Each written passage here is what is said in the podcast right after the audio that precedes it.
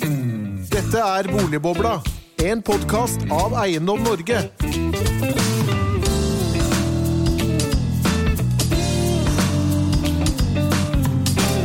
Hjertelig velkommen til en ny episode av Boligbobla, denne gang om regulering av boligmarkedet.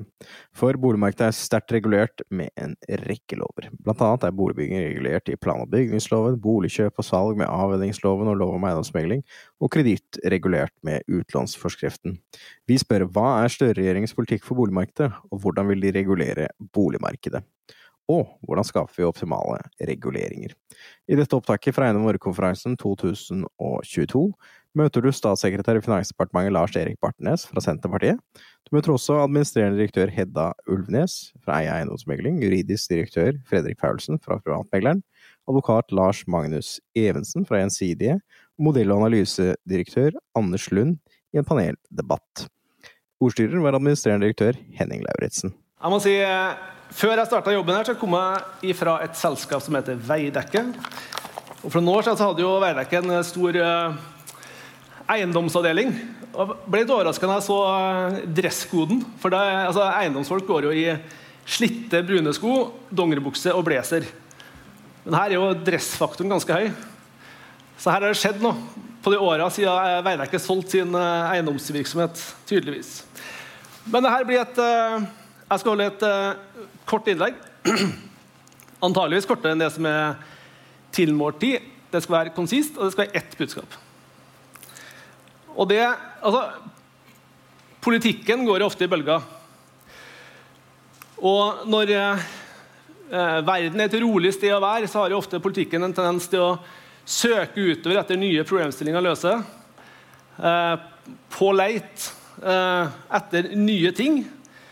De siste åra, og spesielt eh, de siste sju månedene, vil jeg si, så har politikken gått helt andre vei. Nå er politikken tilbake til det som virkelig er kjernen i politikken. Det har vi fått oppleve alle de siste, de siste månedene. Så nå driver vi med det som virkelig betyr noe, og det er folks trygghet. Og det handler også denne konferansen om. Og det skal jeg derfor bruke dette innlegget på å, snakke, snakke om. Det bildet der det er et illustrasjonsbilde på en tilfeldig valgt norsk familie. Eh, jeg skulle til å si gjensidsfamilie, men det tør vi ikke å si lenger. For da må vi møte Solvang i debatten og forklare hva det er for noe. Men det her er en vanlig norsk familie eh, foran et vanlig norsk, eh, norsk hus.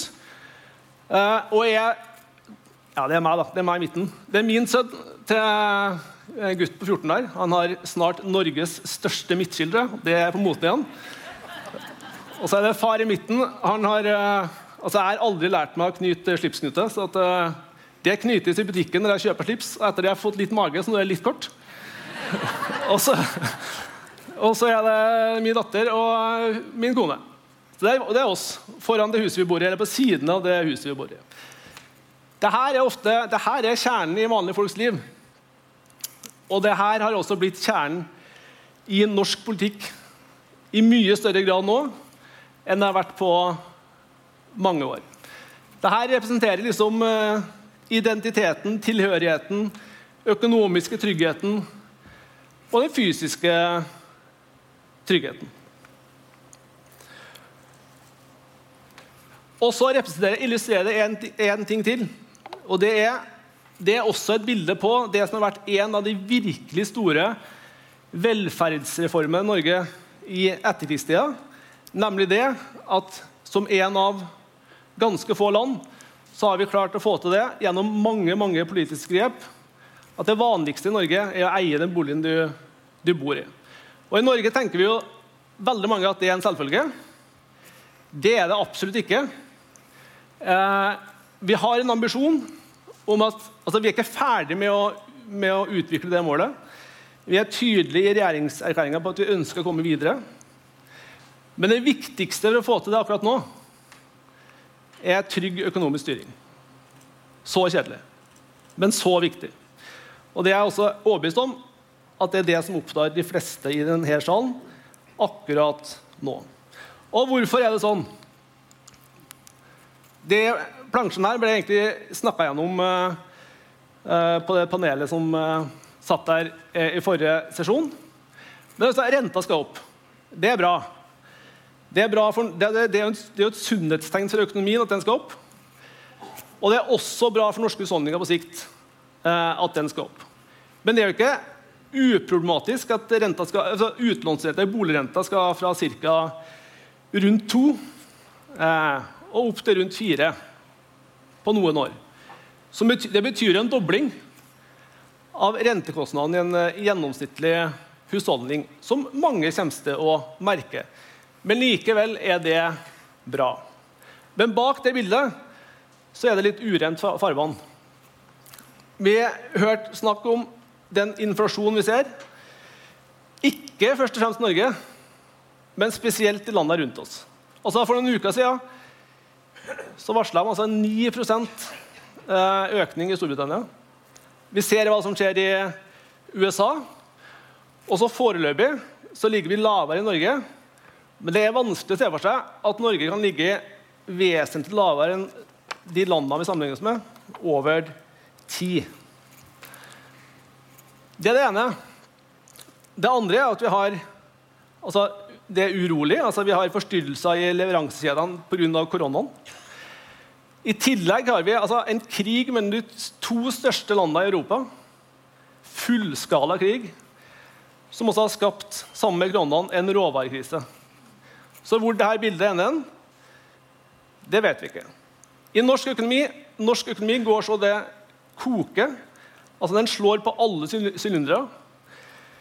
Vi har altså gått fra en situasjon der vi hadde en korona der det var hundretusenvis som gikk ut enten i permisjon eller ledighet. Og så har vi tatt alle de tilbake i arbeid, pluss mange flere. Sånn at når vi står her i dag, så er det kanskje den dagen i norsk historie at det er flest i Norge som går på jobb. Det er en fantastisk historie. Og akkurat nå er det mange som kommer ut i jobb, som ikke har vært i jobb på mange, mange, mange år. Det er veldig bra, og det, det betyr, tross den inflasjonen vi ser, prisøkningen vi ser, at når vi ser på realdisponibel inntekt for norske husholdninger i 2022, så er det sannsynlig at den også vil øke det året her, fordi det er så mange som går fra ledighet ut i jobb. Så en av de absolutt viktigste tingen for oss som politikere nå, er å prøve eller ikke gjøre ting som gjør at det der bildet der slår ut i pris- og lønnsspiral, som til slutt slår ut i det bildet der, som gir seg renteøkning utover det som nå kan kalles en normalisering av renta. Det er vår viktigste jobb, og det handler om trygg økonomisk styring. Hvorfor det? Det bildet her kunne vi ha brukt timevis på. Det oppsummerer egentlig alt. Eh, det er i hvert fall et bilde som veldig ofte blir tatt fram i Finansdepartementet. Og hva viser det bildet her? Eh, den blå øverste streken det er gjeldsbelastninga. Altså det, det, kjenner vi alle. Den er høy, og høyere enn den har vært historisk sett. Og så husker Jeg jeg tror den ligger på 238 eller 34 eller noe, som er vesentlig høyere enn det som var gjeldsbelastninga under bankkrisa. Ser du den røde streken, så er den belastninga husholdningene har når de betaler renta, og det vi antar at de betaler i, i avdrag. Hvis du ser på den røde streken, så ligger den på 14% av disponibel inntekt. Det er faktisk litt høyere enn den lå under bankkrisen. Da lå den på 13,8. Og så den nederste, som på dette bildet er antageligvis grå, hvis jeg ser riktig. Det er altså den rentebelastninga husholdningene har, som er lav fordi renta er lav. Så 10 000-kronersspørsmålet akkurat nå det er hva skjer når den nederste grå nå skal begynne å bevege seg oppover? Hva skjer da med den røde?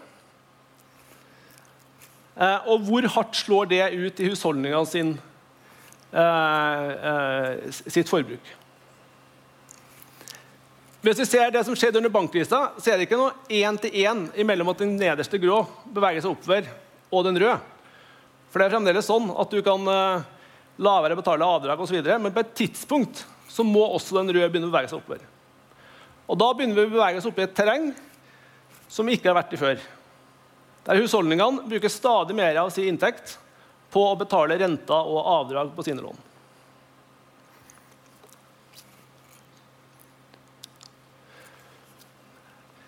Dette er ikke noe svartmaling, og dette kommer ikke til å skje.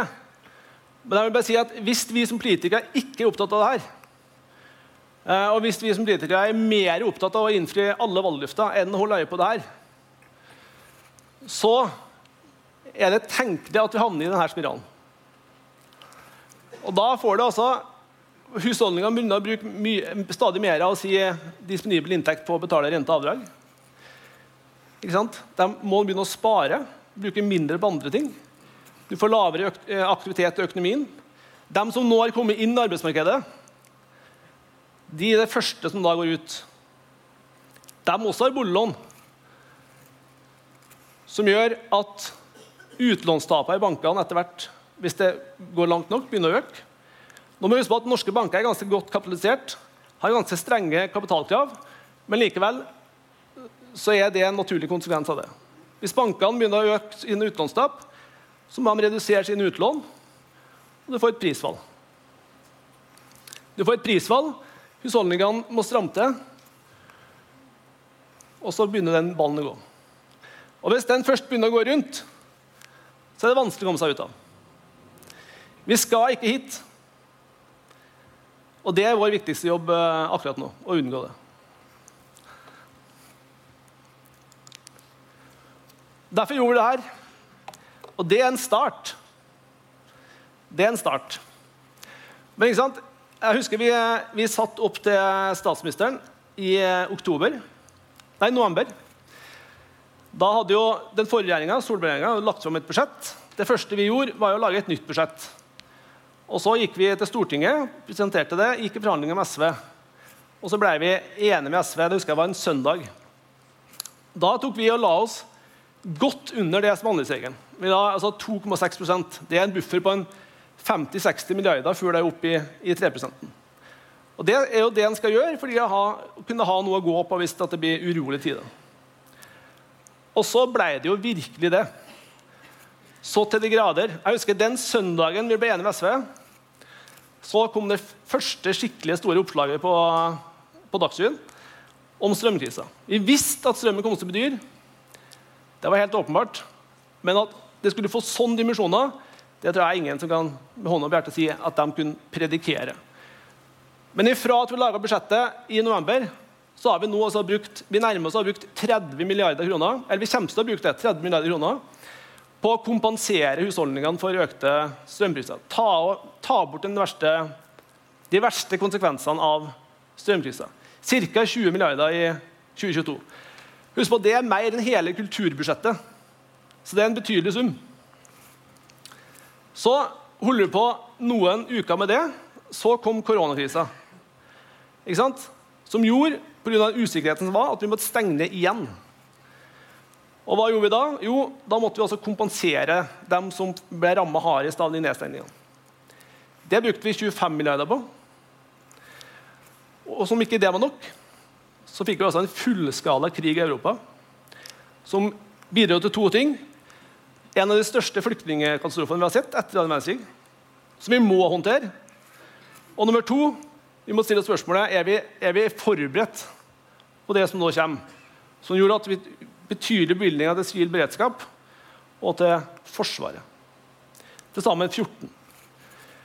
Så vi plussa altså på nesten 60 milliarder kroner før vi hadde kommet, til, uh, før vi hadde kommet og ferdig med våren. Så Det viktigste oppgaven vi hadde når vi skulle lage revidert, det var å ta oljepengebruken ned igjen. Og Det var stort sett det vi brukte tida på når vi laga revidert. Hvis dere ser revidert, så er det nesten helt renska for satsinga. Det handla om å ta oljepengebruken ned. Og det gjorde vi. Vi gjorde noe som ingen regjering har gjort før oss. Vi tok ned oljepengebruken med 30 milliarder midt i året ved å kutte ved å omdisponere inn bistand og ved å trekke inn skatteinntekter fra kommunesektoren. Men det, er, men det betyr ikke at vi er i mål. Det er en start. Vi skal videre ned. Så dette er en av de store prosjektene vi akkurat nå jobber med. å komme oss videre ned For å sikre at vi ikke kommer inn i hjulet som vi så på forrige bilde. Og Da har vi jo synliggjort en vei. Vi har synliggjort statlige byggeprosjekt. Eh, vi kommer til å ha fokus på samferdselsprosjekt. Eh, og det kommer til også å komme andre kutt for å sikre at folks eh, trygghet rundt hus og hjem blir noe vi kan stå og også fremme når vi står her om et, om et års tid.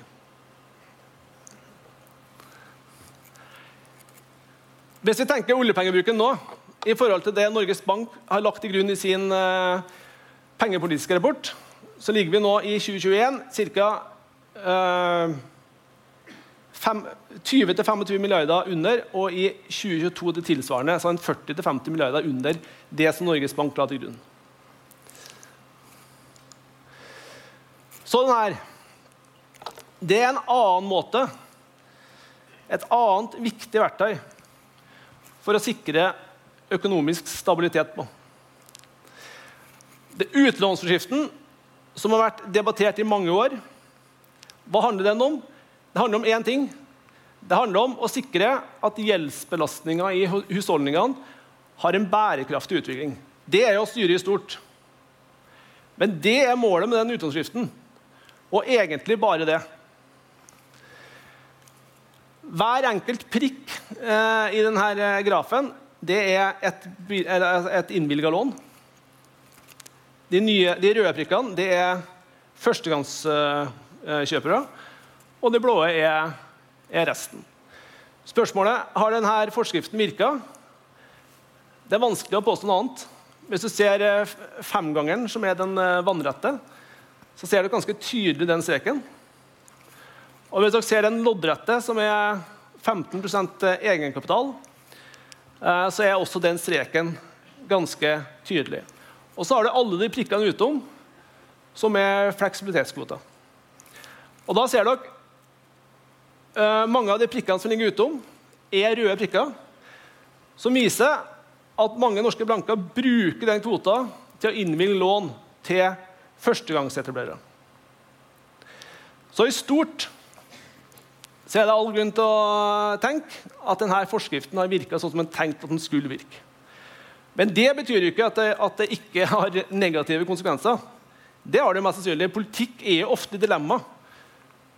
Altså, det er sjelden du sitter i politikken og avklarer saker som er som en eh, blankt ja og nei. Også denne inneholder dilemma. Men det viktige, og det er viktig å huske på denne, det er at denne forskriften handler om å sikre en stabil utvikling i husholdningenes gjeld. Det motsatte tror jeg ingen av oss ønsker å prøve på.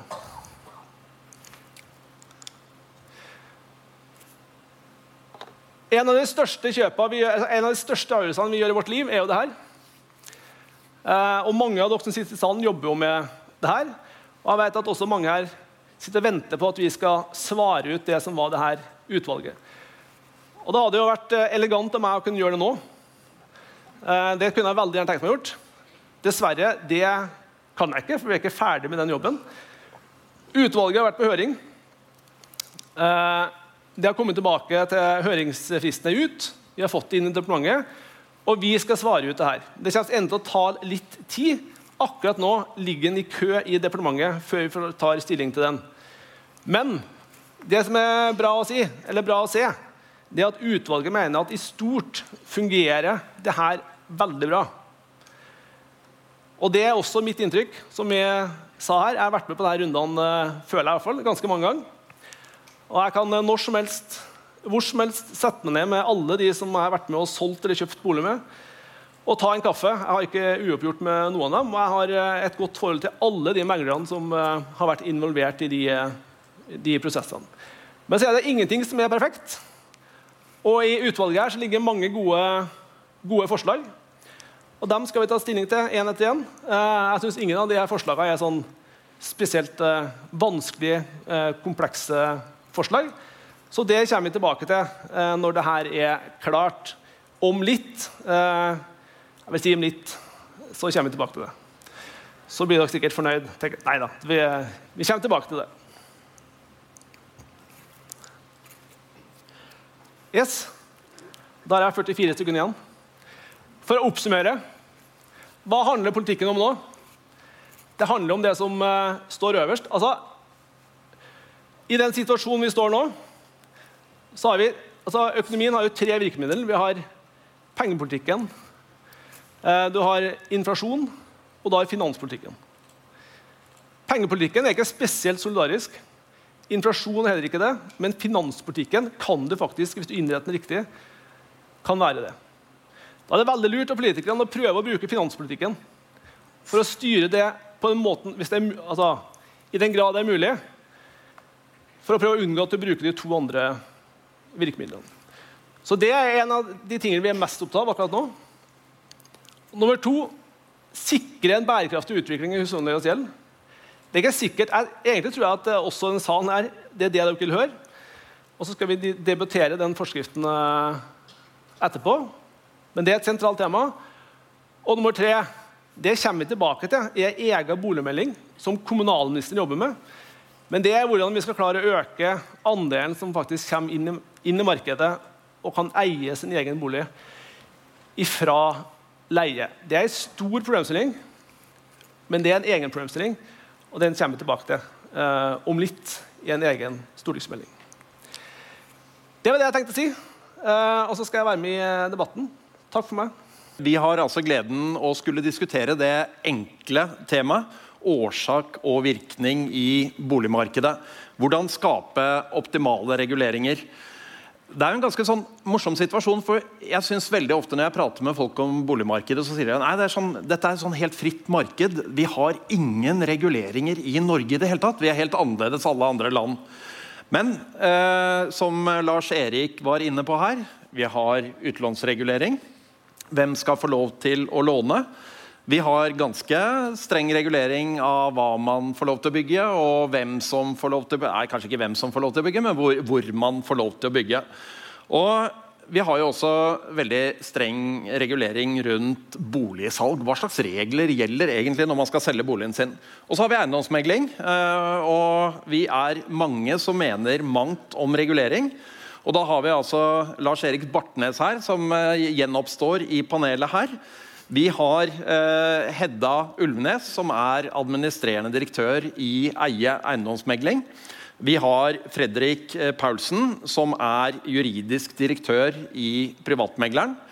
Og vi har Lars Markus Evensen, som er advokat i Gjensidige. Og vi har Anders Frankelund, som er modell- og analyseverdi i eiendomsverdi. Og Anders, det må jeg bare si som en sånn tilleggsting, han er altså sykepleierindeksens far. En av de aller kjenteste innenfor Bolig-Norge. Men eh, tenkte jeg begynne med deg, eh, Lars Erik. og Du sa her at vi står overfor noen eh, politiske valg som av og til er vanskelige. Eh, etter vi fikk streng utlånregulering i Norge for rundt fem år siden, så har vi sett et annet problem. Nemlig at disse prikkene der oppe de viser jo antagelig også at det er noen som ikke får disse lånene. Og hvordan skal man klare den ganske vanskelige spagaten og på den ene siden få folk inn på boligmarkedet hvis de ikke har mye egenkapital, og på den andre siden sikre finansiell stabilitet? For det, for det er en spagat jeg ikke helt skjønner hvordan man skal løse i det lange løp. Nei, det er et godt spørsmål. Eh, det er et dilemma. Eh, men jeg tror det er viktig at når, eh, når du er politiker, så har, du, så har, du, noen utfordringer og problemer du prøver å løse. Og så har du noen virkemidler som du setter inn for å løse de problemene. Og jeg tror Det er viktig at du ikke begynner å blande de sammen med andre problemstillinger. Altså Når det gjelder boligforskriften, så har den ett hovedvirkemiddel, eh, hovedmål. Og det er å sikre en bærekraftig utvikling. som du sa. Det, vi må liksom ikke miste det av syne. Og boligskiften det handler ikke først og fremst om de 20% som ikke eier egen bolig. Det handler like mye om de 80% som gjør det, eller 77 eller, eller hva det er. Altså det, for det handler om alle. Eh, men så kan det jo ha noen negative konsekvenser for dem som da eh, Det kan øke terskelen for dem som eh, ikke er i eh, markedet i dag. Men da, mener jeg, da, må vi se, da må vi se på andre virkemidler. Eh, og der, har vi jo, der, der, finnes det jo mange virkemidler, men helheten i det det, mener det kommer vi tilbake til når vi kommer eh, med den boligmeldinga som kommunalministeren eh, jobber med. Så det er vel egentlig svaret på, på, det. Men mitt budskap da er at vi må ikke, vi må ikke blande de ulike problemstillingene sammen. For jeg tror han er ulike i sin karakter og, og krever ulike virkemidler for å, for å bli løst. Men, men, har vi ikke noen veldig spesielle paradokser? Eh, og nå, tenk, nå, tenker jeg kanskje også på det som, eh, som kan komme til vi ser i regjeringspolitikk. At vi på den ene siden sier at de private bankene ikke skal få lov til å låne ut med utlånsforskriften i hånden. Og så sier vi til Husbanken dere skal få lov til å låne ut penger. Da gjelder ikke utlånsforskriften. Hadde det ikke vært mer naturlig å si til uh, de private bankene at dere kan låne ut litt mer? Blir, ikke det en veldig merkelig paradoks? Da, er jeg ikke helt enig. Det mener jeg er to ulike problemstillinger. Fordi at, uh, jeg ser dem, for det første så er jo en dimensjon på de to er jo to ulike verdener. Altså bare, nå har vi økt låneramma til Husbanken med 2 milliarder. Mens bare fleksibilitetskvota det tror jeg er på 80 milliarder. Så det er liksom to ulike ting. Husbanken har et boligsosialt formål. Uh, mens forskriften altså, uh, handler om, handler om uh, økonomisk stabilitet. Sånn at Å blande de to sammen og si at de, at de går i veia for hverandre, det, det, tror jeg drar langt.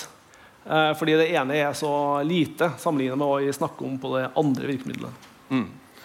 Anders, utlånsregulering, er det himmelen for regulering av boligmarked? Nei, jeg, jeg, tror ikke det helt. Uh, men uh, for det første så mener jeg at det er ikke boliglåns, boliglånet er ikke der, det er ikke et problem. Det er veldig lite tap på det. Du setter en arbitrær grense på, på 5x inntekt. Det er ikke et problem når du kommer opp på 5% eller på 4% som du sier, da er det ikke en begrensning lenger. Så jeg har ikke noe tro på Jeg tror at bankene gjør sitt eh, skjønn der på boliglånssiden eh, i stort. Jeg syns det er et større problem med uforsvarlig utlån, kall det til usikkerhet kreditt.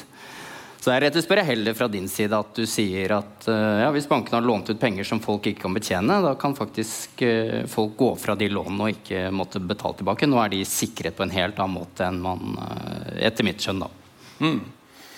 Eh, hvis, vi, eh, hvis, vi, på en måte ser på dette området som har med utlånsregulering å gjøre, så, så kan man jo man, man, kunne kanskje tenke seg at vi har et problem med høye priser på boligmarkedet enkelte steder. Kunne vi bygd oss ut av dette, Anders? Det synes jeg er et det, Din bransje er jo veldig ofte på det. Vi må bygge mer, vi må legge til rette for mer boligbygging. Jeg tror den problemstillingen er mer kompleks enn som så. Personlig har jeg kjøpt et rekkehus på Øraker. Eh, der skal Mustad bygge 3000 boliger i umiddelbar nærhet. Jeg tror at verdien på mitt rekkehus øker som en konsekvens av det. Bygging er verdiskaping. Jeg tror at du utvikler områder. Og så kan man si at ja, du tenker på Øraker, lite område. Det for en utvikling. Men i stort bygger man nok, så vil man på en måte få prisfall. Det kan, i hvert fall Nå utfører jeg bransjen, altså er litt sånn, for er så, jeg er litt lei av å høre den der ja, bare bygg mer, bygg mer, bygg mer, så løser man det. Tenk på Oslo. Tenk tilbake. Ja, eh, dette er ikke et argument for ikke bygge, for dette er verdiskapning. Men det er ikke sikkert at det løser prisproblemet. Tenk Oslo tilbake til 1990-tallet. Vi har hatt kjempebra utvikling. Vi har hatt Bjørvika, vi har hatt uh, Løren, vi har hatt uh, Nydalen osv. osv. Har Oslo blitt en bedre by relativt sett? Ja. Det er blitt bedre å bo der. Det er blitt relativt sett altså, Man ønsker kanskje flere å bo. Kanskje flere internasjonale selskaper ser at uh, Oslo er et alternativ. Bloomberg kåret akkurat Oslo til verdens beste by å bo i, faktisk. Så det jeg sier er at Bygging i seg selv, da blir det noe annet. Det er verdiskapning. Det er ikke sikkert at det fører til prisfall. Og det er masse eksempler på det. Du kan tenke Las Vegas, hvor du bare starter et eller annet sted. Kjempehøye prisene våre. Bygget masse. Skaper etterspørsel. Når det da, Jeg tror renten, som eh, Erik også var inne på i stad, er atomknatten. Hvis hvis du tror at du løser alt med bygging, så er ikke det gitt. Ikke et argument for ikke bygge, ikke et argument for ikke ha effektive planprosesser og ting skal gå fort.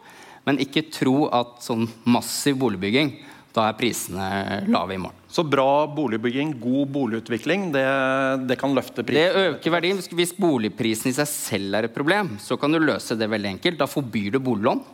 Da går boligprisene rett ned, og så bygger du bare crap Vi overalt. vi- vi har jo sta- Ikke sant? altså- da bygger du, da bygger du eh, Finanstilsynet vil vil jo forby litt mer, i hvert Ja. Da vil vi bolig veldig veldig billig. Hvis du bygger projects i eh, hele Oslo, ingen vil ha det. Da, og ødelegge nabolag. Selvfølgelig.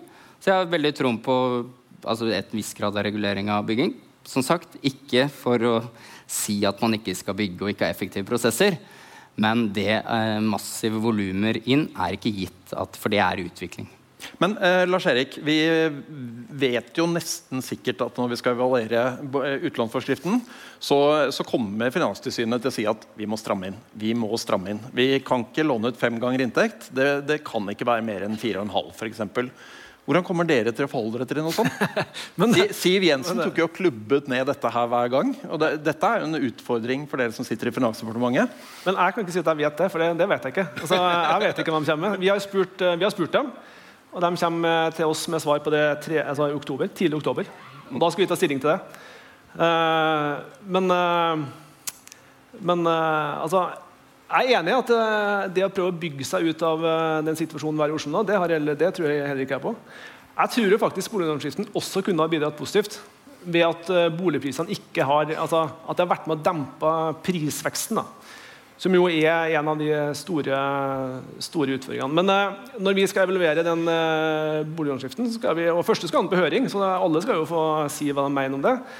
Det skal vi gjøre på skikkelig vis, og så skal vi ta stilling til den. Men eh, det som vil være vårt hovedblikk på den, det er en bærekraftig utvikling i husholdningenes gjeld. Det er til det gode for alle, også de som er i markedet i dag. Anders? et bare, bare sånn, når prisene er høye, det som er superviktig, er du må sikre finansiering. Og det har alltid vært cruxet. Det, blir også litt sånn, uh, siden jeg får stå her og snakke, så et annet hjertebarn for meg. Alle vært så fryktelig, fryktelig redde for gjeld.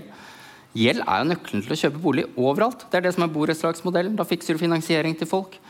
Eh, boliglån, selvfølgelig, ha tilgang til det. Og så kan du diskutere om Husbanken eller eh, Men husk på den kosten som du Jeg var glad for at du nevnte det, for det er veldig ofte ja, nå funket boliglånsforskriften. Den funker, for nå ser vi at det ikke er folk som får kjøpt. Eh, eller du får ned gjeldsbelastningen, da. Men de ender jo i en annen situasjon. De må typisk leie, eller så er det også andre eh, eksempler inn der som du har snakket mye om, med foreldrebank osv., som jeg også syns er et, et poeng. At det er en urettferdighet her ved at du ikke får lån hvis du ikke har sikkerhet hos, eh, hos foreldrene dine. Men eh, re regulering det handler jo for så vidt ikke bare om nivået, men, eh, men kanskje også om forutsigbarhet. Og Hedda, eh, du har noen interessante eksempler på forutsigbarhet eller uforutsigbarhet rundt boligbygging. Altså, det du tenker på, er kanskje Ensjø, eh, som et eksempel eh, hvor eh, jeg har solgt boliger på Ensjø nå, hvor Byantikvaren har tilsluttet riving av disse stålverkshallene helt tilbake til 2007. Men så skjedde det nå i 2022, så endret de oppfatning og mening. Det er jo en eh, sak som skaper eh, uforutsigbarhet i, i stor grad, og er kanskje et, et grelt eksempel på det. Eh, men eh, Eh, nå ser det ut som politikerne Siste jeg leste nå, var i Aftenposten i, dag, var det vel, at eh, eh, de nok eh, kommer til å stå ved, fast ved at eh, man ikke skal eh, skal eh, sørge for å bevare disse stålverkshallene. Men da har man jo holdt på siden 2007 og bygget ut Ensjø og området og sikret god boligpolitikk med å etablere mange, mange eh, boenheter der. Og så kan man ikke da snu på, på femøringen helt i siste fase. Jeg skjønner eh, årsaken til at det tas opp, for det handler om bærekraft. Og det må på agendaen i mye større grad. Det er helt nytt for oss. Det er en ny dimensjon inn i alle vurderingene vi er nødt til å gjøre fremover. Men i dette tilfellet var det kanskje litt for sent. Men at vi kommer til å se mer av det fremover, at det blir en viktig faktor inn i, i reguleringsarbeidet, det blir det. Så det, Vi må finne en sånn fornuftig balanse på styring av da etterspørselssiden, lån osv. Og så må vi ha ting på tilbudssiden. Jeg tror ikke vi skal gå inn i den store diskusjonen akkurat rundt boligbygging og regulering her, men, eh, men, men det er klart det, det, er en veldig interessant ting oppi det hele. Men Hedda, bare sånn for å fortsette med deg. Vi, eh, vi i eiendomsmeglingsbransjen vi er jo av og til sånn at vi også heier på regulering. vi. Altså Når det kommer en ny eh, eiendomsmeglingslov som ligger i departementet, så sitter jo vi også og klapper. Og sitter ikke vi også da og klapper til enda mer regulering? Er ikke, er ikke det et lite paradoks? Vi er jo vant til å bli gjennomregulert, og jeg er veldig glad i å jobbe innenfor rammer som, som gis av reguleringsmyndighetene. Jeg syns vi har veldig god dialog, og den har blitt bedre og bedre i løpet av de årene som jeg har vært i eiendomsmeglingsbransjen. Og det handler jo om at man er flink til å, å, lytte til hverandre og gjør mer av det. Eh, og eh, da tror jeg vi får gode, gode reguleringer som ivaretar alle, parter, alle de ulike partene og hensyn. hensyn så så, så, det vil jeg gjerne ha mer av. Så får vi som er virksomhetsledere jobbe og drive business innenfor disse rammebetingelsene. Noen ganger så elsker vi regulering, vi også, på sett og vis. Uh, bare den er bra, uh, rett og slett. Uh, jeg har lyst til å stille deg et spørsmål, Lars Markus. altså, Gjensidig er noe sånn som 200 år, eller, eller noe i den duren. Og så har dere sittet i 200 år før dere velger å gå inn i boligselgerforsikring. Altså, hvorfor brukte dere 200 år på dette? ja, altså, Det er et godt spørsmål, det òg, som statssekretæren er inne på. Eh, dette har sammenheng med at Gjensidige for tiden har en strategisk og overordnet satsing på hus og bolig generelt, og da også boligselgerforsikring spesielt. da. Så at Målet er jo å trygge boligomsetningen og risikoen for eh, kundene til Gjensidige. og Da var det helt naturlig å gå inn i det markedet, som også tilbyr boligselgerforsikring. Og en av årsakene at vi gikk eh, på lufta med det produktet 1.1, var at det var sammenfallende med de nye lovendringene i avvendingsloven, med tilhørende da forskrift for tilstandsrapporter. Så litt i lyset av eh, paneldebattens overordnede tema, altså hvordan skape optimale reguleringer, da, eh, så vil man jo se at de nye endringene i avvendingsloven mest sannsynlig da, vil føre til en mer oversiktlig regulering. og eh, regulering nettopp av risikoen i kjøps- og salgssituasjonene av brukte boliger. Så igjen så håper man jo da at Gjensidiges inntreden på det markedet da, vil være med å skape gode rammebetingelser for de vurderingene som typisk Finansdepartementet skal gjøre. At Norges største forsikringsselskap går inn i det markedet og forsikrer den boligmassen, altså den transaksjonen mellom kjøper og selger. Og Det innebærer jo at eh, bankene da kanskje i større grad kan gi lån som reflekterer boligens reelle verdi. Altså tidligere kunne man jo selge as is, som alle i denne salen kjenner til. Altså, selger kunne holde seg fast i bordflaten og så håpe at eh, ingen merket til eh, råten i veggen. Mens nå så er kravene til tilstandsrapporter gjort det slik at det mest sannsynlig blir avdekket, og at selger i større grad har en høyere, en høyere plikt til å gi korrekt informasjon om boligen. Så på godt norsk da, så er det jo mindre sannsynlig at man kjøper katta i sekken. Og Det innebærer jo da at eh, reguleringen av bransjen gjør det mer forutsigbart for eh, borgerne. da. Men, men, sier du at det det har blitt strengere regulert, det er det som gjør det forretningsmessig interessant? Altså, før var det for stor usikkerhet, nå er det tryggere og stødigere?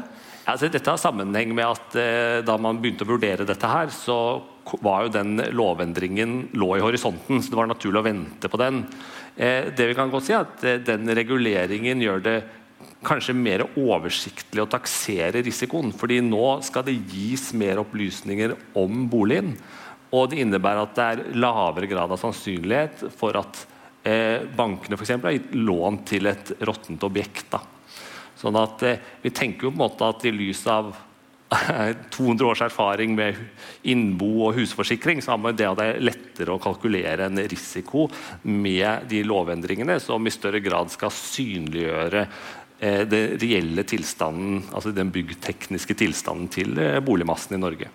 Men Fredrik, eh, du kjenner jo dette markedet veldig godt og tett. Eh, har det blitt tryggere? Vet vi noe om det? Altså vi, vi fikk jo disse lovendringene for noen måneder siden. Men har, har det gått bedre, eller hvordan ser det ut nå? Vi er ganske kjedelige, vi som er advokater. Altså, men vi fikk jo litt bakoversveis denne reguleringen skulle komme. altså denne endringen.